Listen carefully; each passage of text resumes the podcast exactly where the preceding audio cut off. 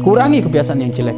Bahkan naudzubillah min dalik ada orang masya Allah meninggal lagi nonton hal-hal yang nggak bener meninggal lagi main game meninggal ini meninggal itu naudzubillah min dalik. Maka hal-hal itu tidak perlu. Jangankan hal kemaksiatan hal yang tidak bermanfaat maka tidak perlu kita lakukan dan kita jadikan kebiasaan. Nggak usah. Pokoknya kehidupan kita 24 jam sebisa mungkin diisi dengan hal-hal yang manfaat, hal-hal yang positif, bernilai pahala agar supaya ini nanti menjadi perhitungan akhir kebaikan di hadapan Allah Subhanahu wa taala.